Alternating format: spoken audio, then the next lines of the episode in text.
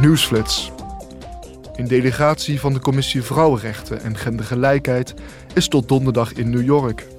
De parlementsleden zullen daar deelnemen aan de bijeenkomst van de Commissie voor de Status van de Vrouw van de Verenigde Naties en de rol van vrouwen in innovatie, technologische veranderingen en onderwijs in het digitale tijdperk bespreken.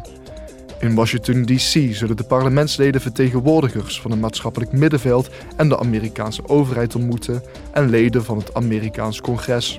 Ze zullen daar gezamenlijk de achteruitgang op het gebied van vrouwenrechten in de VS en Europa bespreken.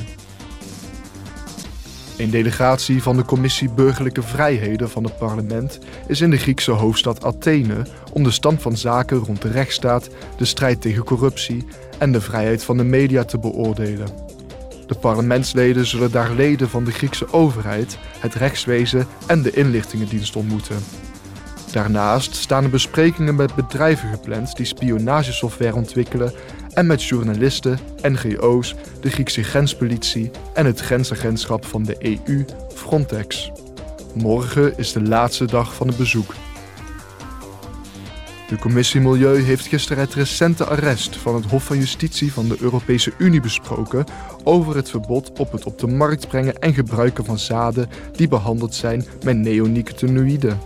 Dit zijn stoffen die giftig zijn voor bijen. Het EU-initiatief in zaken bestuivers kwam ook aan bod tijdens de besprekingen.